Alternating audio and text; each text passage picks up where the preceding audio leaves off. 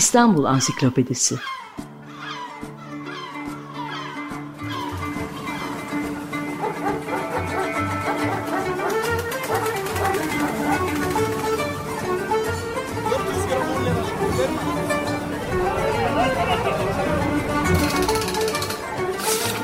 İnsanlar, olaylar, mekanlar, gelenekler ve ihtiyaçlar üzerinden şehrin tarihinden sayfalar.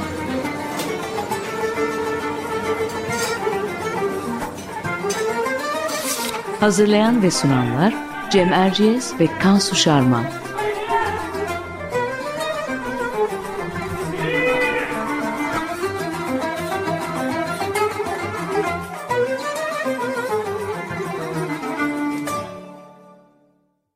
Merhaba Cem Erciyes ben. Açık Radyo'da Kansu Şarman'la birlikte hazırladığımız İstanbul Ansiklopedisi'nin yeni bir programındayız. Bu hafta program konumuz 19. yüzyıl İstanbul hakkında çok önemli kayıtlar düşmüş, kentin tarihsel dokusuyla ilgilenip gözlemlediği eserler üstüne metinler kaleme alan araştırmacı ve hekim Aleksandros Paspatis. Konuğumuz ise uzun yıllardır Aleksandros Paspatis hakkında çalışan akademisyen doktor Firuzan Melike Sümertaş. Melike hocam hoş geldiniz. Hoş geldin. Merhaba. Merhaba, hoş buldum. Biz her zaman olduğu gibi kısa bir giriş yapıyoruz e, şeyle Kansu'yla ama önce şunu hatırlatayım. Programımızı sürekli takip edenler belki hatırlayacaklardır. Firuzan Melike Sümertaş'ı geçen yılda konuk etmiştik. O zaman bize Silagos yani Dersadet Rum Cemiyeti Edebiyesi'ni anlatmıştı. Şimdi e, bununla da ilintili olan yeni bir konuyu konuşacağız Paspatisi. Paspatis, Aleksandros Paspatis konumuz olan hekim, araştırmacı, e, tıp doktorluğunun e, yanı sıra e, tarihle de ilgilenmiş birisi. Tabii Paspatis'in tıp bilimini sadece beden ve akıl sağlığından ibaret görmemiş bir hekim olması e, çok önemli. Çünkü sadece hastalıkları tedavi etmekte kalmamış, onu ortaya koyan nedenleri de araştırmak için büyük bir çaba göstermiş yaşadığı dönemde. Balıklı Rum Hastanesi'nde müdür olarak görev yapıyor e, ve elinde geniş hasta kayıtları var. Onlara bakarak çeşitli hastalıkların kentin hangi bölgelerinde sıklıkla görüldüğünü, hangi meslek gruplarının ne tür hastalıklara karşı zayıf olduğunu pek çok istatistiki veriye bağlı olarak ortaya koyan çalışmalar yapıyor. Bu çalışmasını bir kitaba dönüştürüyor ve 1862 yılında yayınlıyor. Bu kitap hatta 2014 e, yılında Kitap Yayın Evi tarafından İstanbul'un Ortodoks Esnafı adıyla yayınlanmıştı. Günümüz Türkçesinde de. E, hatta Kansu sen o vakitler Radikal Kitaba bu kitapla ilgili bir tanıtım yazısı yazmıştın değil mi? Evet. E, Mariana Yerasimos'un çeviri ve notlarıyla Ali Özdamar yayımı hazırlamıştı e, kitabı. E, ve Aleksandros Paspatis'in bugüne kadar okuduklarımızdan çok farklı bir e, İstanbul panoramasını e, ortaya koyduğunu görmüştük. E, Paspatis kitabında 1830-1860 yılları arasında e, Balıklı Rum Hastanesi'ndeki görevi nedeniyle tedaviye gelen hastalardan aldığı bilgilerle Osmanlı başkentinde ticaret hayatının bilinmeyenlerine ciddi bir şekilde ışık tuttuğunu e, gösterdi. E, tabii kitabı hangi amaçla yazdığı konusunda en çıplak ve net açıklama e, yine Paspatis'in kendi satırlarında var. E, onu burada e, aktarayım. Diyor ki Paspatis, maksadım bir seyyah ya da bir yabancı gibi İstanbul'un latif iklimini, sakinlerinin serin Boğaziçi kıyılarındaki yalılarını tasvir etmek değil. Prens adalarının letafetini ve hasta, hastalara şifa veren deniz havasını da methetmeyeceğim. Bunları benden evvel başkaları yeterince anlattı. Benim maksadım İstanbul'un çamurla sıvanmış sokaklarını, kötü kokan su yollarını, her taraftan yayılan sağlıksız havasını, taşradan ve yabancı memleketlerden şehre ticaret ve ekmek parası için gelenlerin yaşadığı, hastalanıp sefalet içinde vefat ettiği boğucu ve loş hanlarını tasvir edeceğim. Şimdi bu e, daha öncekilere göre oldukça çarpıcı bakış açısını konuşmak için ben sözü daha fazla uzatmayayım ve konunun uzmanı Melike Sümertaş'a dönelim. Melike Hocam e, şöyle başlayalım mı? E, Aleksandros Paspatis en başta kimdir? E, kısa bir hal tercümesini bize yapar mısınız? Tabii yapayım. Ee, öncelikle ben teşekkür ederek başlayayım hem e, davetinize hem de Paspatis'e olan ilginize. Ee, kısaca bir hayat öyküsünden bahsedecek olursak E, Paspatis 1814 e, senesinde Sakız Adası'nda varlıklı bir aile e, doğuyor. Paspatis ailesi Sakız'ın e, bilinen ailelerinden hatta adına sokak da vardır e, Sakız Adası'nda. E, babası o dönemde İstanbul'da ticaretle uğraşıyor, ipek ticaretiyle uğraşıyor. Kalabalık bir aile, sekiz kardeş, yedincisi sanırım Paspatis. Fakat e, tabii ki başına bazı olaylar geliyor. En kritik olanlarından bir tanesi 4 yaşında babasını kaybediyor ve hemen arkasından 7 yaşındayken de 1821 yılında Yunan Bağımsızlık Savaşı sırasında e, Sakız'da patlayan isyan e, aileyi darmadağın ediyor. E, Paspartis'in biz e, nasıl bir süreçten geçtiğini bilmemekle beraber İzmir'de köle pazarında e, annesi tarafından köle pazarından kurtarıldığını hatta satın alındığını kaynaklardan okuyabiliyoruz. E, ailesi, annesi daha sonra İzmir'den kurtardığı oğlunu e, Malta'ya götürüyor. E, Malta'dan da o dönemin Amerikan misyonerleri e, aracılığıyla Amerika'ya gidiyor Paspartis. Ve sanırım herhalde kariyerinin en kritik aşaması da burada oluyor diyebiliriz. Yani Amerika'da misyonerlerin e, okulu sayılan Amherst Koleji'nde Massachusetts eyaletinde bir e, kolej eğitimi alıyor. Ve arkasından kolej eğitimini bitirdikten sonra 1831'de sanırım bu eğitimi tamamlıyor. 32 yılında da misyonerlerle beraber İstanbul'a e, geliyor. İstanbul'da e, öncelikle Galata'da Ermeni ve Rum okullarında ayrı ayrı hem ders veriyor hem idarecilik yapıyor. E, ama sanıyorum ki bunun idealindeki kariyer olmadığını fark ediyor bu eğitim hayatı sırasında ve bir süre sonra bırakıp yani çok erken birkaç yıl içinde bırakıp e, Avrupa'ya gidiyor. Avrupa'da da e, öncelikle İtalya'da arkasından Paris'te e, tıp eğitimi aldığını biliyoruz. Ee, bir süre Londra'da kalıyor. Biraz e, birkaç İngiliz şehrinde daha görev yapıyor. Yani doktor olarak çalışıyor. Bu da kaynaklardan okuyabiliyoruz gene. Ve sonrasında 1840 yılında kalıcı olarak İstanbul'a dönüyor ve sizin de bahsettiğiniz gibi Balıklı Rum Hastanesi'nde çalışmaya başlıyor. Hocam e, Atlas Tarih Dergisi'de bir yazınız vardı Paspatis hakkında. E, orada diyorsunuz ki 19. yüzyıl Avrupa şehircilik anlayışının yapı taşlarından olan sağlıklı bedenler sağlıklı kentler ilişkisi üzerine çalışırdı. Bu sözün ettiğiniz bakış açısı e, nedir? E, Paspatis'in kent e, İstanbul'a bakışını da şekillendiren. Bunu bunu biraz açar mısınız? Tabii yani bu aslında epeyce kapsamlı bir konu. Hani kent tarihçileri e, bu konuda çok daha e, nitelikli şeyler söyleyebilirler ama ben kısaca özetlemem gerekirse şey örneğini vereyim. E, öncelikle Richard Sennett'in e, meşhur e, Ten ve Taş kitabında çok güzel anlattığı bir hikayedir bu. Özellikle aydınlanma sonrası, e, aydınlanma dönemi e, entelektüellerinin özellikle tıp üzerinde ve insan bedeni üzerine yaptığı çalışmalarının kent plancıları tarafından, aydınlanma çağı kent plancıları tarafından kent mekanına yansıtılmasından bahsediyoruz aslında. Yani e, ne diyelim, hani kanın özellikle William Harvey'in kan, kanın damarda dolaşmasına ilişkin bu, buluşları, buluntuları, e, insan anatomisiyle ilgili çalışmalarını kent mekanında e, yansıtılması nedir? Bugün kentin ana arterleri dediğimiz, kentin akciğerleri dediğimiz tartışmanın, kent mekanının aslında sağlıklı kent mekanının sağlıklı e, insanı da ürettiği ve barındırdığına ilişkin düşüncenin aslında e, bir yaklaşımı bize bu e, mir, e, yani bu, bu, bu miras e, geliyor bize aslında e, bu çalışmalarda. E, tabii bir de şeyi düşünecek olursak yani 19. yüzyıldan bahsediyor. Şehirleşmenin çok yoğun olduğu bir dönem işte sanayi kentleri, bir yandan işçi yerleşimleri, kalabalıklaşan nüfuslar, kirlenen şehirler. E, bu çok önemli bir e, tartışma bir yandan 19. yüzyıl e, kentleşmesi açısından ve salgınlar özellikle tabii bugün de çok gündemimizi işgal eden salgın konusu çok e, kritik. Özellikle hastalıkların yayılması çok önemli bir tartışma. Tam da bu tartışmalar aslında Paspatis, Paspatis için şekillendirici olan e, konu haline geliyor. Yani az önce bahsetmiştim Paris'te ve Londra'da tıp eğitimi görüyor Paspatis ve muhtemelen tam da bu tartışmaların e, ortasında yer alıyor. Çünkü bir yandan e, kentleşmeyle ilgili olan bu tartışmaları yürüten önemli isimlerin de hekimler olduklarını görüyoruz. Yani 19. yüzyılın önemli entelektüellerinin aslında bir yandan bilim insanlarının e, hekimler olduğunu görüyoruz. Paspartis de böyle bir çevreden gelerek aslında böyle bir yaklaşım gerçekleştiriyor. Böyle bir e, bakış açısı geliştiriyor e, kent çalışmaları ve içinde bulunduğu kent açısından ve tabii ki hastalıklara olarak olan yaklaşımı açısından. Evet, bu bize e, bugün konusunu ettiğimiz kitabı yazmasını, o araştırmaları yapmasını e, sağlıyor bu bakış açısı. E, onu anlıyoruz. Şimdi oraya bağlanayım. Yani Balıklırum Hastanesi'nde müdür olarak görev yaptığından bahsetmiştik. O dönem hasta kayıtlarına dayanarak çeşitli hastalıkların kentin hangi bölgelerinde sıklıkla görüldüğünü, hangi meslek gruplarının ne tür hastalıklara karşı zayıf olduğunu pek çok istatistiki veriye bağlı olarak ortaya koyduğunu biliyoruz. Biraz bunlardan bahsedebilir miyiz? Neler var Paspastis'in kayıtlarında? e, bize örnekler verir misiniz?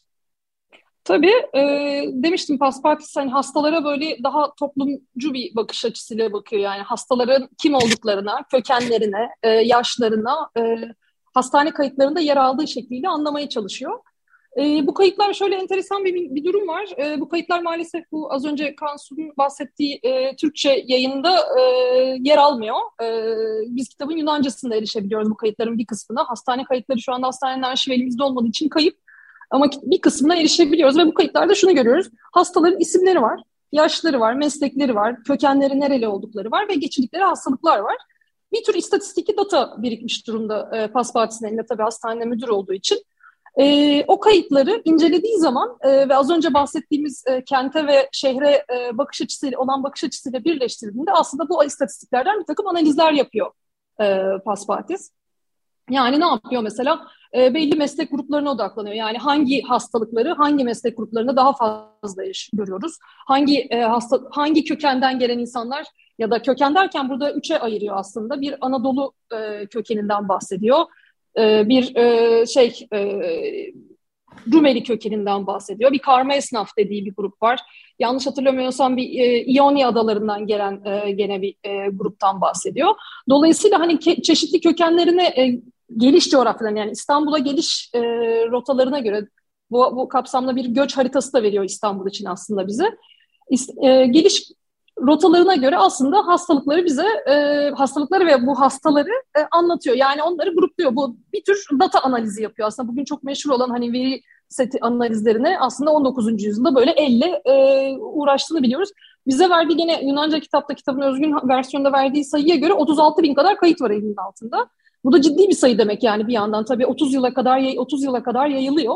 E, ama ciddi bir e, sayı e, diyebiliriz bir yandan ve bu mesleklerin neler olduklarını sıralıyor. Mesela bunların arasında işte sürücüler, kahveciler, değirmenciler, gemiciler gibi böyle bugün hani e, takip bugün bize 19. yüzyıl İstanbul'u hakkında önemli ipuçları sayılabilecek veriler yer alıyor. İşte yağcılar, doğramacılar, meyhaneciler gibi. Bu isimler nerelerde çalışırlardı? Bu meslekler nasıl icra edilirdi? E, bunları anlatıyor bize. Peki hastalıkları ee, neymiş mesela yani ge, gemiciler ne oluyormuş, kahveciler en çok e, hangi hastalıktan muzdaripmiş bu tür bilgiler de var benim anladığım kadarıyla. Ona dair bir şeyler söyleyebilir misiniz? Tabii yani mesela şeyi söylüyor. E, size bir aslında alıntı yapsam burada daha şey olabilir diye düşünüyorum. Yani böyle bir paspat e, dilinden bunu söyleyeyim. Mesela e, kahvehaneler muhteliftir diyor. Her, Hristiyan ve Müslümanlar için her büyüklükte ve her sınıftan kahvehaneler vardır. Ücra semtlerdeki bazı Müslüman mahalleleri haricinde şehrin tüm semtlerinde bulunmaz. Eski tarz kahvehanelerde kahveden ve şerbetten başka şey satılmaz. Kahveciler ekseriyetle hem berber hem hacamatçı hem de dişçidir. Kocaman şırıngalar, sürük dolu şişeler, kapısında asılı dişlerden muamül süsler kişinin e, maharetlerinin alametidir. Kahve satışından daha karlı olan e, bu işin cazibesine kapılanlar kendilerini cerrah, hekim ilan edip kahve müdavimlerini, ahbap ve komşularını tedavi eder. Alaylı hekimlerden bazıları zamanla işlerden el çektiler, dükkanlarını kapattılar veya sattılar. Böylece herkese herkese zaman ve suistimaller de azalmış oldu. Ee, Tabii kendisi bir tıp insanı olarak e, diş çeken e, şey tedavi yapan kahveciler kahvecilerin de bir şey olduğunu kötü bir şey olduğunu e, düşünüyor ve onun için yazıyor bu satırları anladığım kadarıyla değil mi? Tabii tabii. Yani şöyle bir şey var. E, aslında mesleklerin e, bir yandan doğasını anlamaya çalışıyor. Yani e, başka meslek gruplarıyla karşılaştırıyor. Mesela İstanbullu balıkçıları ile ilgili olarak şeyi söylüyor. Başka memleketten olan balıkçılardan e, daha büyük zorlukları yoktur diyor. Yani bunlar bulundukları yerlerden balık e, tutarlar. Yani açık denizlere açılma zorunlulukları yoktur ve tehlikeye maruz kalmazlar diyor. Ama bir yandan da bulundukları yerde çok ıslanırlar, ayakları ıslanır. Dolayısıyla buradan da çeşitli hastalıklar kaparlar, böyle verem kaparlar ya da işte ne bileyim e, kendilerini çabucak hastalıkları e, evet. mesela evet maruz kalırlar diye anlatıyor aslında. Evet, taşçı ve duvarcı esnafı ile ilgili akciğer hastalıkları falan gibi e, şeyleri Hı-hı. falan da örnek göstermiş. Çünkü onlar için de e, e, pis ve havasız odalarda yaşarlar e, ve e, Karadağlılar, Hırvatlar gibi Rumeli'den gelen e, insanların da taş ocaklı, taş taşçılık yaptığı, Anadolu'dan gelenlerin de e, taş yontan ustalardan e, aralarında olduğunu filan söylüyor. E, buradan şöyle devam edelim mi? 1860 yılında e, Alexandros Paspatis'in Balıklı Rum Hastanesi'ndeki görevinden ayrıldığını ve kendisini İstanbul'la ilgili çalışmalara daha fazla verdiğini görüyoruz ve özellikle kendisine miras olarak gördüğü Bizans dokusunun yok olması üzerine de endişe e, taşıdığını yazmıştınız makalenizde. Neler yapıyor bu dönemde? Yani özellikle bu Bizans mirası ile ilgili. E, şimdi Paspartis az önce de bahsettiğim gibi bir e, hekim olarak yetişirken aslında bir yandan da bir bilim insanı olarak yetişiyor ve e, çok dilli bir bilim insanı. E, ben ölümünü ölümüne dair çıkan bir ilanda e, Atina'da çıkan bir gazetede 16 dil bildiği bilgisine ulaştığımı e, hatırlıyorum. Yani bu çok e, önemli bir sayı sayı sanıyorum. Hani belki hepsine çok ha, hakim değil ama hani 16 dille en azından erişimi olduğunu düşünmek mümkün. Bu da onu önemli bir araştırmacı yapıyor tabii ki. E, Bizans tarihiyle ilişkisi tabii biraz kimlik üzerinden yani biraz aidiyet üzerinden ama biraz da dil bilgisiyle üzerinden biliyorsunuz hani arkeoloji ve filoloji arasındaki çalışmayı da evet. e, burada yat, e, ilişkiyi de yatsımamak lazım. Ama sanıyorum Paspatis'in biraz daha e, ilişkisi özellikle Bizans dokusuyla olan ilişkisi e, şehrin dönüşümünden de kaynaklanıyor. Yani az önce bahsettiğimiz kentleşme ve modern kentin ortaya çıkışı 19. yüzyıl kentlerin dönüşümünde ortaya çıkan e, yaklaşım gene burada da etkisini gö- gösteriyor. Çünkü o dönemde İstanbul çok hızlı dönüşen bir kent. Yani nedir? Mesela altyapı çalışmalarının çok yoğun olarak görülmeye başlandığı bir yer. İşte e, mesela demiryolunun e, o dönemde inşa edildiğini biliyoruz. Paspatis'in çok aktif olduğu bir dönemde. Demiryolu kazısından ortaya çıkan e, ne var ne yok anlayabilmek için gidip hani nasıl aldı o izini bilmiyorum ama gerçekten o kazıların içinde çalıştığını, işte o arşiv, e, o şeyleri ne denir ortaya çıkan taşları diyeceğim artık hani arkeolojik malzeme muhtemelen ve bir kısmı da herhalde müzeye gönderiliyor ama e, onları belgelediğini, onları ölçtüğünü, biçtiğini hatta bayağı hani kendi makalelerinde bunlara ilişkin ölçüler, e, ölçümlerin sonuçlarını da veriyor işte topluyor, biçiyor, e, bir takım çıkarımlar da yapıyor. Hatta mimarlarla beraber bu alanları ziyaret edip e, rest, restitüsyon çalışmaları da yaptırıyor ama hani dönüşmekte ve kaybolmakta olan bir doku olarak gördüğü için Bizans kentini, Bizans dokusunu mutlaka kayıt altına almak lazım e, diye düşünüyor. Dolayısıyla hani e, Bizans tarihi tarihine olan yaklaşımı biraz bu. Ama bir yandan tabii şöyle de bir şey var. Bunu bir şans olarak da görüyor. Yani hatta kendisi açık açık söylüyor yani bu bir bizim için hem bir yandan çok büyük bir çok kötü bir an. Çünkü bu, bu doku kayboluyor. İşte kent dönüşüyor. İşte e, mesela Karasurlarının e, yıkı, kaybolduğunu biliyoruz ve hatta yıkımına dair onayın, iznin çıktığını biliyoruz. E, bunlar kayboluyor ama bir yandan da çok önemli, çok e, kıymetli bir noktadayız. Çünkü bu altyapı çalışmalarıyla aslında kentin göremediğimiz bir takım yerlerini, kazamadığımız bir takım yerlerin kazıldığını, göremediğimiz malzemelerin ortaya çıktığını görüyoruz. Bu fırsatı kullanmak lazım gibi de bir yaklaşımla e, kentin bütün topografyasına yayılıp yani bir yandan dediğim gibi Karasurlarına bir yandan demiryolu kazısı ve işte Bizans sarayları bölgesi özellikle e, bugün Topkapı Sarayı surlarının bahçesinde kalan alanı düşünecek olursak yani e, demiryolu Rumeli demiryolunun geçtiği alanı bir yandan tabii ki kendi mirasının önemli bir parçası saydığı ama o dönem İstanbul'un da bilinmediğini düşündüğü Bizans kiliseleri ve e, camiye çevrilmiş özellikle Bizans kiliseleri üzerine gibi e, bir takım araştırmalar yürütüyor. Bunları sonra kitap yapıyor, e, işte yayınlıyor tabii ki. E, başka araştırmacılarla paylaşıyor tabii bir yandan da. Hatta müs müsaadenizle ben de bir ekleme yapayım. E, bildiğim kadarıyla Anemas e, zindanlarına e, modern zamanlarda e, giren ilk kişilerden bir tanesi. Onların da yeniden keşfine aracı oluyor. E, bir yandan da e, tabii şu sıralarda Pera Müzesi'nde sürmekte olan İstanbul'dan Bizans'a sergisi var. Orada da Paspatis'in adı geçiyor. Yaptığı çalışmalara yer veriliyor. Böyle de araya küçük bir hatırlatma alalım. Peki, o zaman ben de bir minik ek, ek yapayım. O evet evet şey devam kapsamında... edin buyurun. E, o aslında şey çok enteresan bence. Anema zindanını vurgulamanız iyi oldu. O enteresan bir e, şeyi bence Paspatis'in. E, çünkü aslında bizim e, Paspatisi hani nasıl bir araştırmacı aslında en çok oradan anlıyoruz. Yani Anema zindanını nasıl tarif ettiğini, nasıl tasvir ettiğini ve onu nasıl keşfettiğini e, yazdığı satırları okursanız bir arkeolog aslında bugün ancak öyle çalışıp o özende ve o detayda aslında çalışıp e, araştırmasını yürütüyor. Dolayısıyla aslında Paspartisi e, bir, tür, bir tür evet. amatör diyeceğim ben buna. Kurumsallaşmamış, arkeolog olarak kabul etmek mümkün belki de. Özellikle bu Anema Zindanı örneğine baktığınız zaman. Evet. Peki e, aynı zamanda tabii bir aydınlanma insanı, e, döneminin bir aydını e, Paspatis. E, daha önceki programın konusu e, sizinle konuşmuştuk. E, Dersadet Rum Cemiyeti Edebiyesi Silagos'un da bir üyesi. E, orada ne tür çalışmalarda bulunuyor? Oraya nasıl katkıda bulunuyor? Ee, şöyle söyleyebilirim. Bence ikisinin çok e, verimli zamanları çok güzel çakışıyor. Yani Paspartis'in kurul Paspartis'in e, Silogos'un kurulduktan hemen kısa bir zaman sonra üyesi olduğunu biliyoruz ve hatta yöneticiliğini de yapıyor. Yani başkanlığını da yapıyor. İşte o Silogos'ta bahsettiğimiz arkeoloji komisyonunun üyeliğini de yapıyor.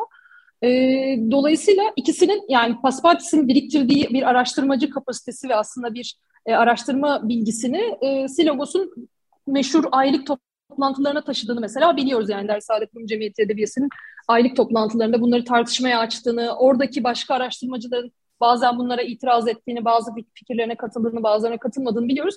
Ben bir tür katalizör gibi görüyorum e, Paspartis'i. Çünkü çok insanı aslında tetikleyen bir yolu, yönü var. E, şeyin Silogos'un da yani ben kısaca Silogos diyorum. Dersadet Rum Cemiyeti Edebiyesi'nin de aslında yaptığı pek çok çalışmaya ki o, o, o programda da bahsettiğimiz mesela o kara surları araştırması da e, dahil olmak üzere pek çok araştırmaya aslında e, önce olduğunu, tetikleyici olduğunu söylemek mümkün. Peki 1882'de Atina'ya taşınmış Paspatis. Neden ayrılıyor İstanbul'dan? Ee, acaba çalışma imkanı mı bul, bulamıyor yoksa e, kendi döneminde çalışmaları yeterince ilgi görmüyor mu? Ondan mı muzdarip? Nedir nedeni? E, açıkçası yani Paspartis hakkında benden önce e, yazmış olan hatta buna Paspartis'in kendisini de ekleyeceğim. E, bu geçişe referans veren kimse neden geçtiğinden bahsetmiyor. Yani özellikle bir sebep ortaya yere koymuyor. E, İstanbul'da çalışamadığını düşünmüyorum. Az önce bahsettiğim gibi yani çok aktif tam tersine e, özellikle Sillagos bünyesine ama Atina'ya gidince daha da aktif aslında. Yani Atina'da daha fazla e, arkeoloji üzerine ve aslında biraz daha e, yani Yunan dili üzerine de aslında az önce bahsetmiştim hani çok dil bilen ve filolojiyle de ilgilenen bir e, araştırmacı e, Paspartis. Dolayısıyla hani bu çalışmaların daha da hız kazandığını, hatta bir yandan işte Paris'teki bir başka cemiyete cemiyetin üyelik başvurusunu kabul ettiğini falan biliyoruz bu dönemde. E, Atina'da bu çalışmalar hızlanıyor, artıyor, say sayıca yoğunlaşıyor ama İstanbul'da da her zaman temas halinde. Yani Silogos'a Atina'dan mektuplar gönderdiğini ve hani iletişimin kopmadığını da biliyoruz. E, keza zaten İstanbul'dayken de Atina'daki cemiyetlerle iletişim halinde. Ama neden taşındı açıkçası onu çok e, kestiremiyorum e, açıkçası.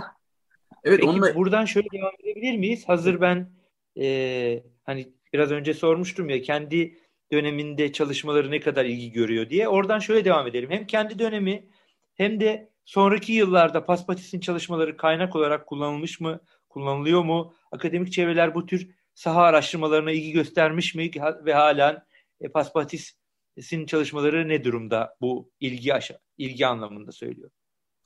Ee, şimdi az önce bahsettiğimiz Sil Logos çerçevesinde zaten hani e, o ekibin parçası olan diyelim ya da o merkeze bir şekilde dokunan araştırmacıların yani bunun işte mesela Andrea, Andrea Mordman gibi isimleri sayabiliriz.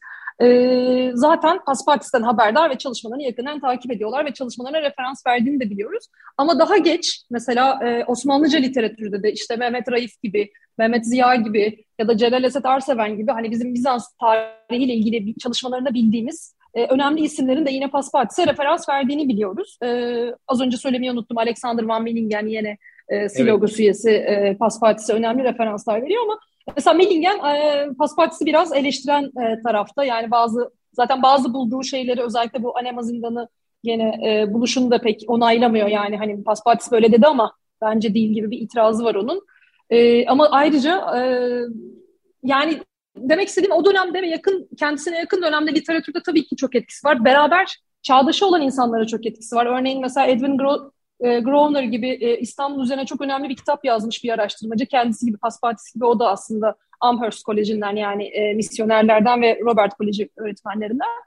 O mesela şeyi söylüyor yani ben bu İstanbul araştırmasını Paspartis sayesinde yaptım. Bir kitabının başında geniş geniş anlatıyor. Çünkü hani Paspartis bir tür merkez o dönemde aslında. Bir tür entelektüel e, merkez oluşturuyor. Yani etrafındaki pek çok insan sanırım İstanbul'la ilgili bir araştırma yapmadan önce bir şekilde onunla iletişimde ya da beraber çalışıyor ya da belki e, bilgilerine danışıyor diyebiliriz.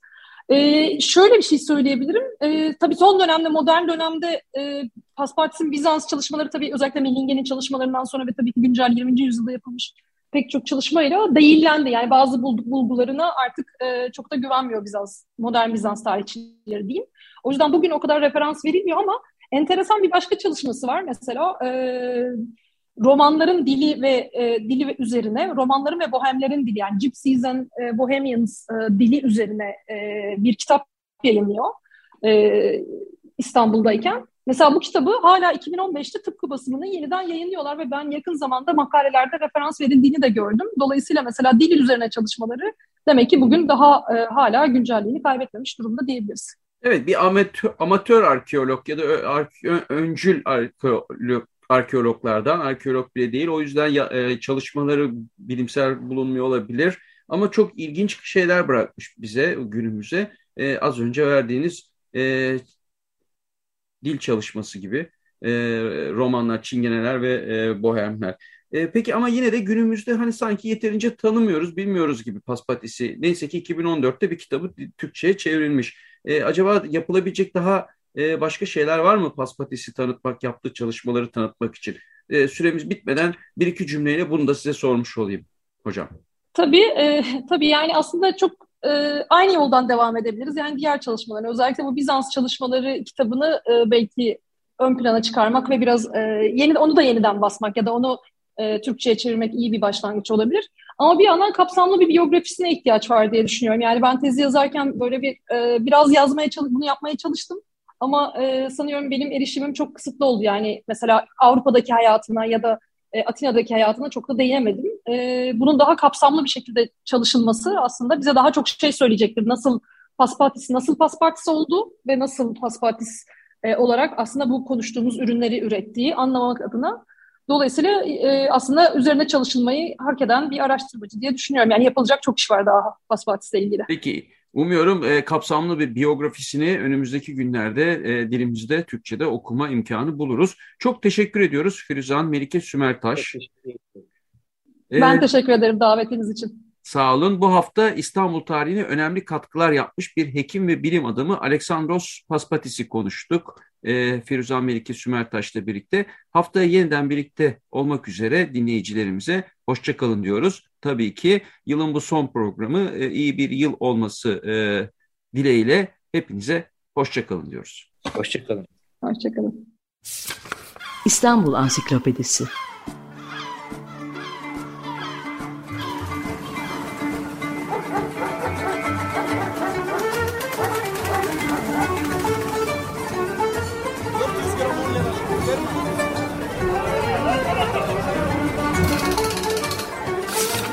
İnsanlar, olaylar, mekanlar, gelenekler ve ihtiyaçlar üzerinden şehrin tarihinden sayfalar.